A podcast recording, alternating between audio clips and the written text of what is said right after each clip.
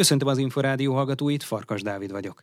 A vegyes úszás mai adásában folytatjuk a tájföldi edzőtáborozás tapasztalatainak összegzését Sós Csaba szövetségi kapitánnyal és az Európa bajnok Márton Rihárdal. Tartsanak velünk! Szinte ugyanaz a szűk magyar úszócsapat utazik majd Tenerifére, mint amely az előző három héten tájföldön edzőtáborozott. Hosszú Katinka nem szerepel ebben a keretben, a folytatásról és az okokról azonban más nem nyilatkozhat helyette, jelezte az Inforádiónak Sós Csaba szövetségi kapitány, utalva azokra a sajtóértesülésekre, amelyek azt sugalják, hogy a háromszoros olimpiai bajnok minden bizonyja gyermeket vár. A szakvezetőt először az elmúlt hetek tanulságairól kérdeztük. Hát a legfontosabb, amiért mentünk, hogy általában magyar viszonyok köz februárban betegszenek meg a leggyakrabban az átlag emberek is, az úszók pedig különösen, és hogy elkerüljük a betegséget, tájföldön ilyen táj roppant meleg időjárás van, nyitott úszodába kiváló körülmények között tudtunk edzeni.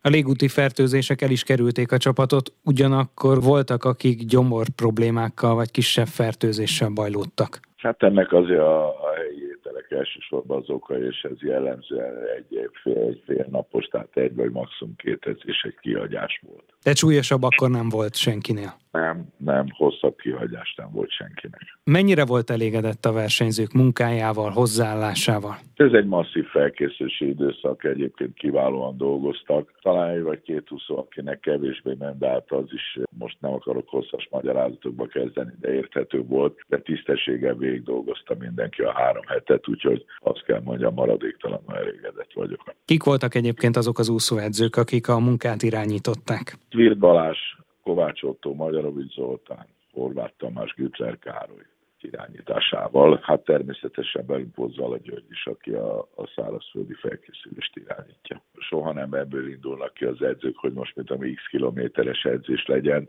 általában kétszer két órás edzés van, van, hogy hosszabbat tartanak, amikor valamilyen speciális jellegű edzés vagy felmérés van, plusz ehhez jön a másfél óra szárazföldi felkészülés, és hát ugyanez a kemény munkaidőszak, de az alapozáson már túl vannak, itt már az íramedzések is vannak, jellemzően sprint edzést mondjuk közösen végzett Milán Kristóf és Szabó Sebastián, tehát ez egy világszínvonalú munka volt.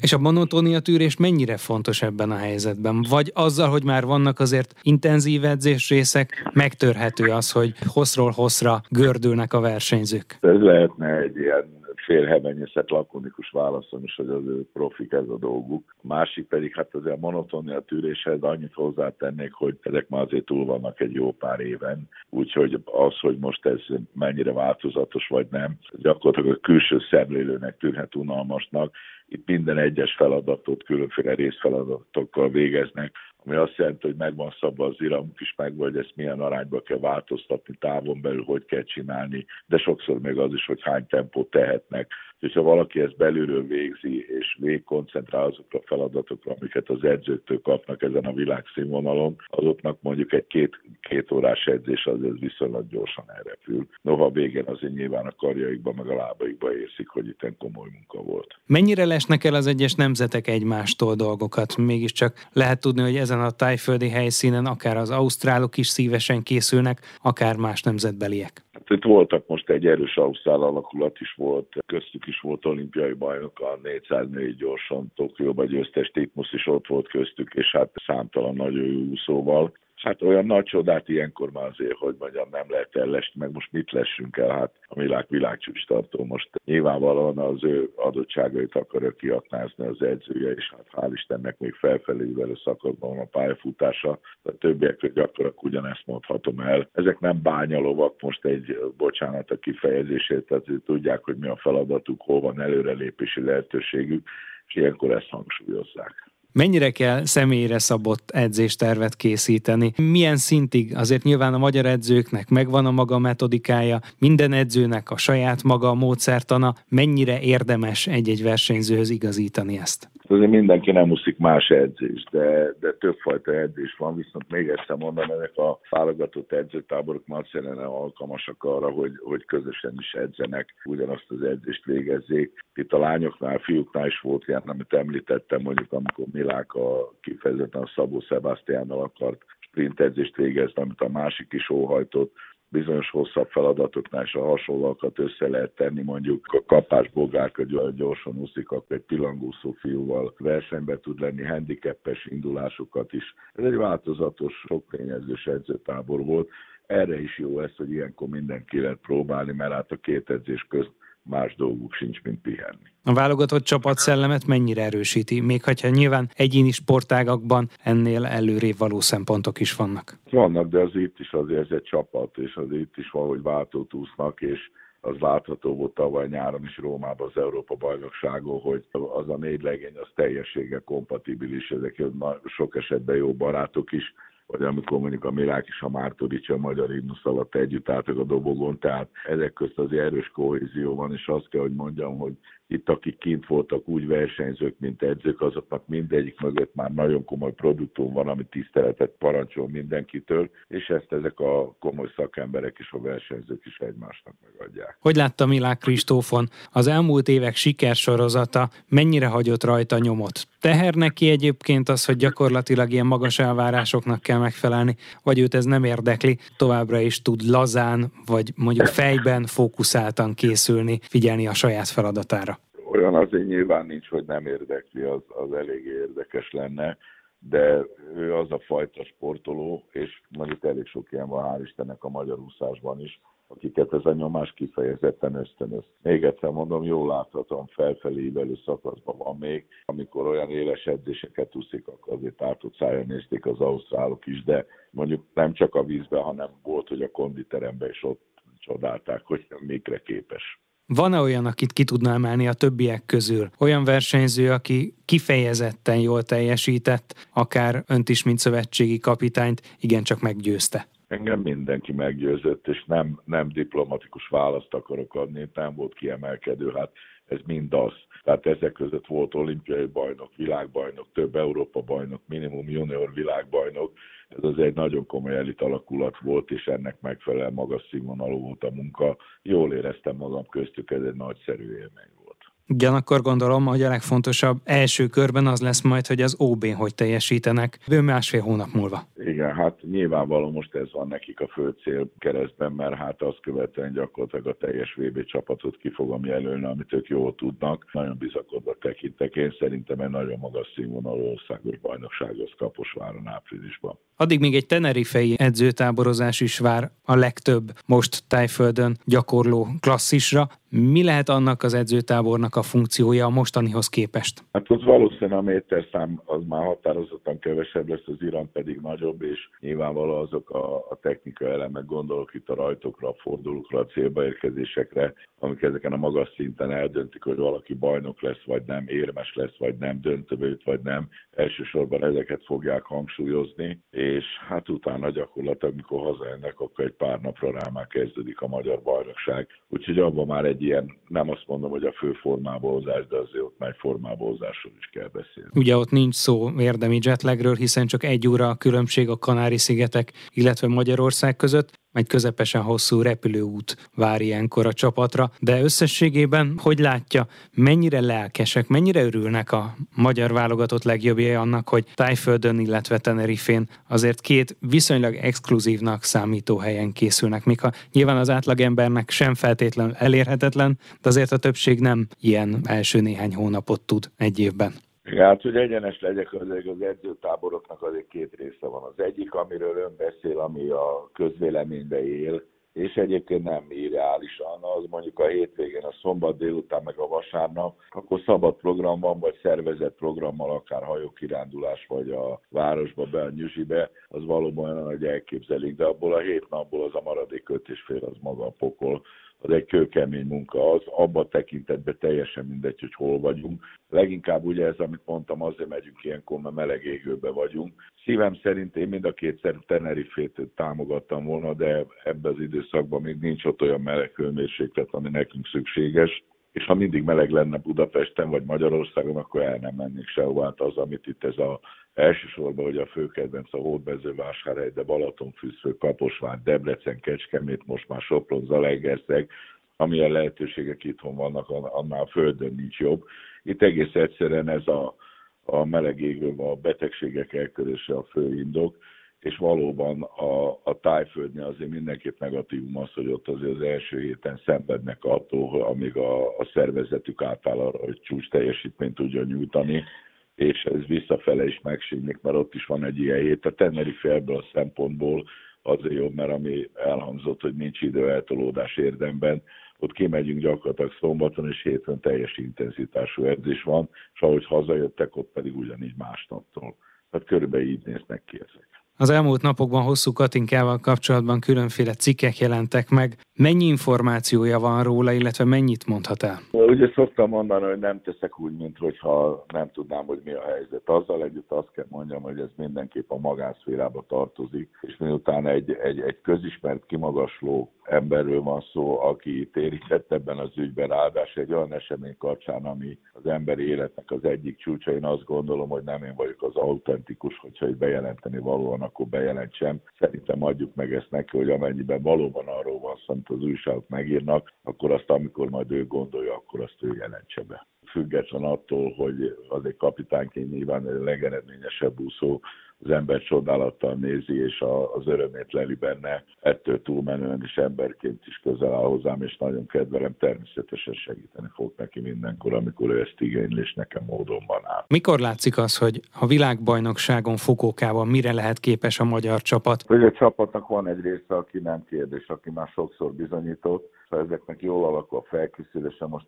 a Milákon túlmelen gondolok mondjuk egy kapás Boglárkára, vagy a Telegdi Ádámra, vagy akár Késely Ajnár, aki szintén kiválóan dolgozott új edzőjével, Kovács Ottóval, gyakorlatilag szárnyalt. Itt nyilvánvaló a kérdés az, hogy a, a tavalyi évben szenzációsan szerepelt ifjúsági versenyzőink, és itt elsősorban hogy a Pádár Nikolett, Molnár Ábrámin, a hármasra gondolok, ahogy jeleztem, nekik még egy határozott lépést kell tenni ahhoz, hogy felnőttbe és világklasszisok legyenek. Úgy látom, jó úton haladnak e felé, de ez lesz az, amire nekem majd Fukók a választ fog adni, és elsősorban e tekintetben van bennem kérdőjel, a többieknek minden adott, és ismerjük őket. Kós Hubert néhány hete Arizonában dolgozik, új edzőjével Bob Malmennel. Lehetett hallani, hogy őt nem látjuk ezekben a hónapokban itthon. Milyen információi vannak az ő edzés munkájáról, és hogyan juthat el Fukókába?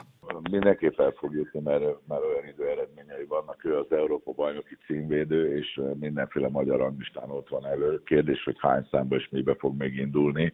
Ő most abban az állapotban van, amikor a, a, az Egyesült Államokban abban a rendszerbe kell beilleszkedni, ami Magyarországon megvalósíthatatlan az a fajta rendkívüli mennyiség és igen szoros verseny, amire neki nagyon nagy szüksége van. Jelen pillanatban szenved, mint egy népszerű magyar állatfigura a jégen, de ezt ő tudta előre, és mikor kiment erről, én beszéltem vele, ebben nem kis tapasztalatom van, a, hogy mi történik Amerikában, akik köztendőjel ott tanulnak és ott úsznak. Hát látszik, hogy rengeteg verseny indul, remélem, hogy föl tudja venni a szervezet a terhelést, mert a fizikuma és a testi adottsága olyanok, hogy nagy zavarba lennék, ha nekem olyat kéne most mondani, aki a világon biztosan jobb nála. Sós Csabát, a magyar úszó válogatott szövetségi kapitányát hallották. Vegyes úszás.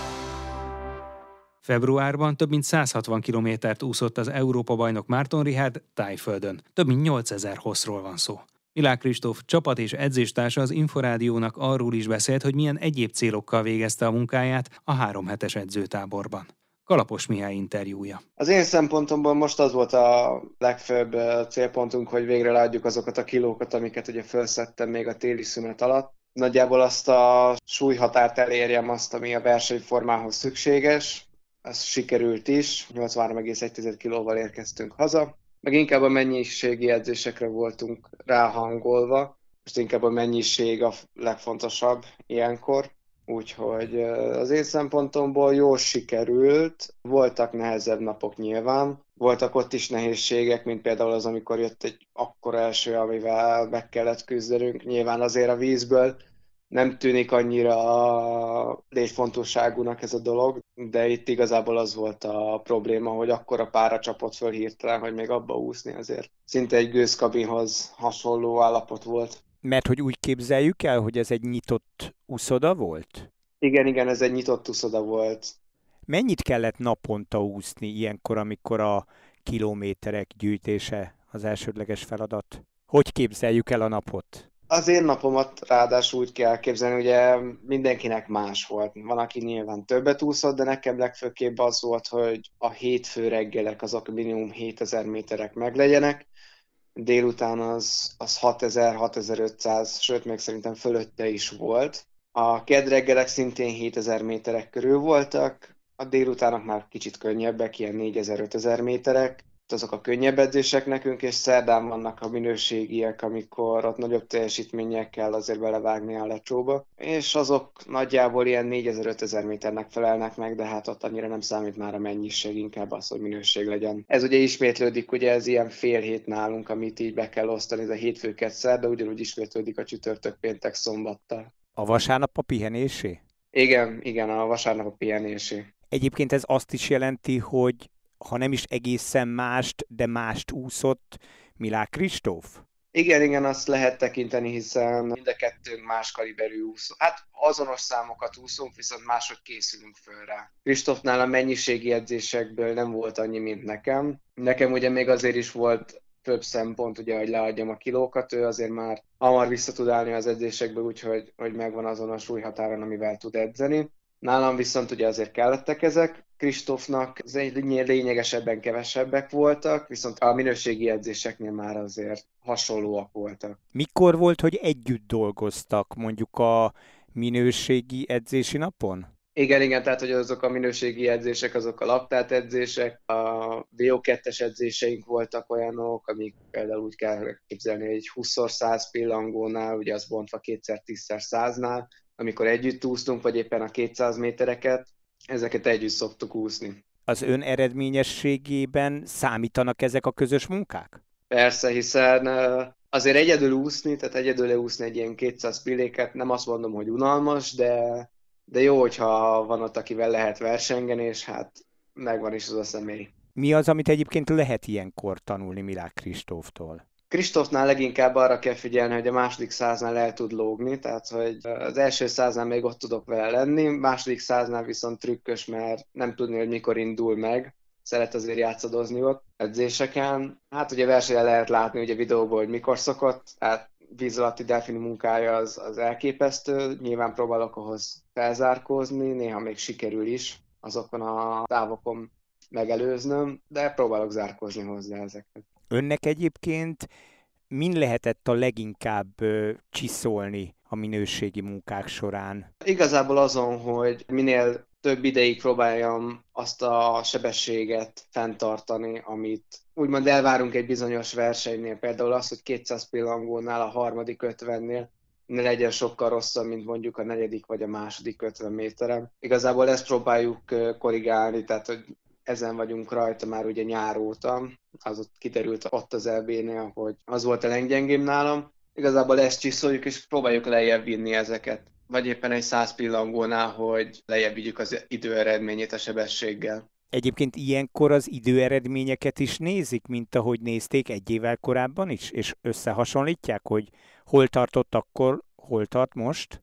Igen, igen, azt azért fontos szem előtt tartani, hogy milyen volt a tavalyi forma, és milyen a mostani. Nyilván azért akkor nehezebb ezeket összegezni, amikor egy betegség jön közben. Nyilván tavaly is voltak betegségek, nekem is volt egy kettő-három, még a bajnokság előtt. Most szerencsére csak egy van eddig, le is kapogom, hogy ne legyen több. De próbálunk ezektől távol maradni, és még jobbakat teljesíteni még a tavalyi időknél. Ez az egy betegség egyébként mi volt, illetve hány nap ment kárba? Igazából egy kedd délutánon ment kárba, ez egy gyomorrontás volt, még, még a kedd reggeli edzés nem ment annyira jól, amennyire vártuk, és hát dél körül beütött a bajot, már nem volt nagyon étvágyam, és hát gyomorrontás volt, mint kiderült. Volt egy hőemelkedés, de azon szerencsére hamar túl tudtam rendülni, és szerdán már bele is álltam a munkába. Az még nyilván nem sikerült úgy, ahogy kellett, ott délután még tudtunk pihenni, hogy a szerda délután az nekünk pihenő, és hát csütörtök reggel meg már ugyanúgy ment az edzés, ahogy kell. Ugye Kapás Boglárka, a világbajnok olimpiai bronzérmes úszó is Virt Balázs csapatának a tagja. Tőle mit lehet tanulni, ellesni?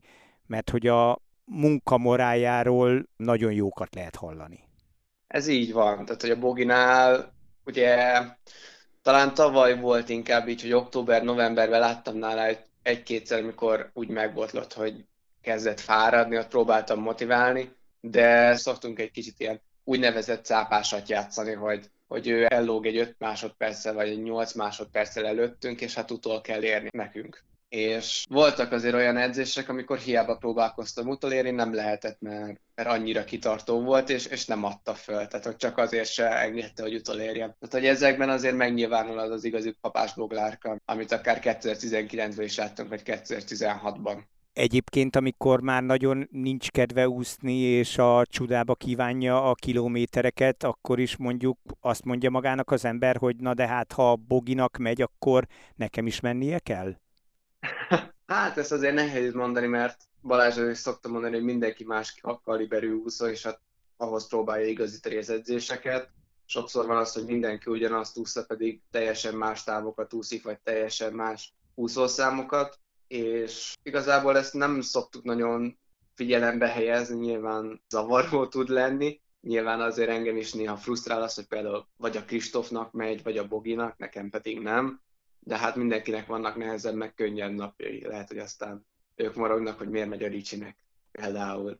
Hogyha felelevenítjük az elmúlt évet, mondjuk az Európa-bajnokságot, ahol ugye a 4x200 méteres gyorsváltó tagjaként aranyérmes lett, 200 méter pillangón pedig Milák Kristóf mögött a második helyen érkezett a célba, akkor milyen idei célokat lehet megfogalmazni, ebből kell -e kiindulni, vagy másból?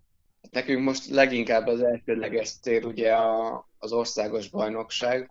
Ugye a tavalyi időeredményem az 1.56.7 volt, ha jól emlékszem, 200 pillangon, nem vagyok biztos benne most, hogy mennyi lett. Most a legfőbb cél az, hogy a legjobbomhoz közel legyünk az 1.54-hez, hogyha még annál is túlszárnyaljuk, még annál is jobb lesz, akkor az azt jelenti, hogy jó, jó munkát végeztünk el, de, de akkor se bánkodunk, hogyha közel úszunk hozzá. Nyilván, hogyha tavaly nem már rosszabb lesz, akkor ott azért elgondolkodunk, hogy mi mehetett el, vagy mi volt az, amit rosszul csináltunk. Ugye a bajnokság ugye az elsődleges cél, utána pedig a következő versenyek lesznek még pár nemzetközi, ahol nagyon jól szeretnék teljesíteni és hát nyilván a világbajnokság a legfőbb, le, oda felkészülni.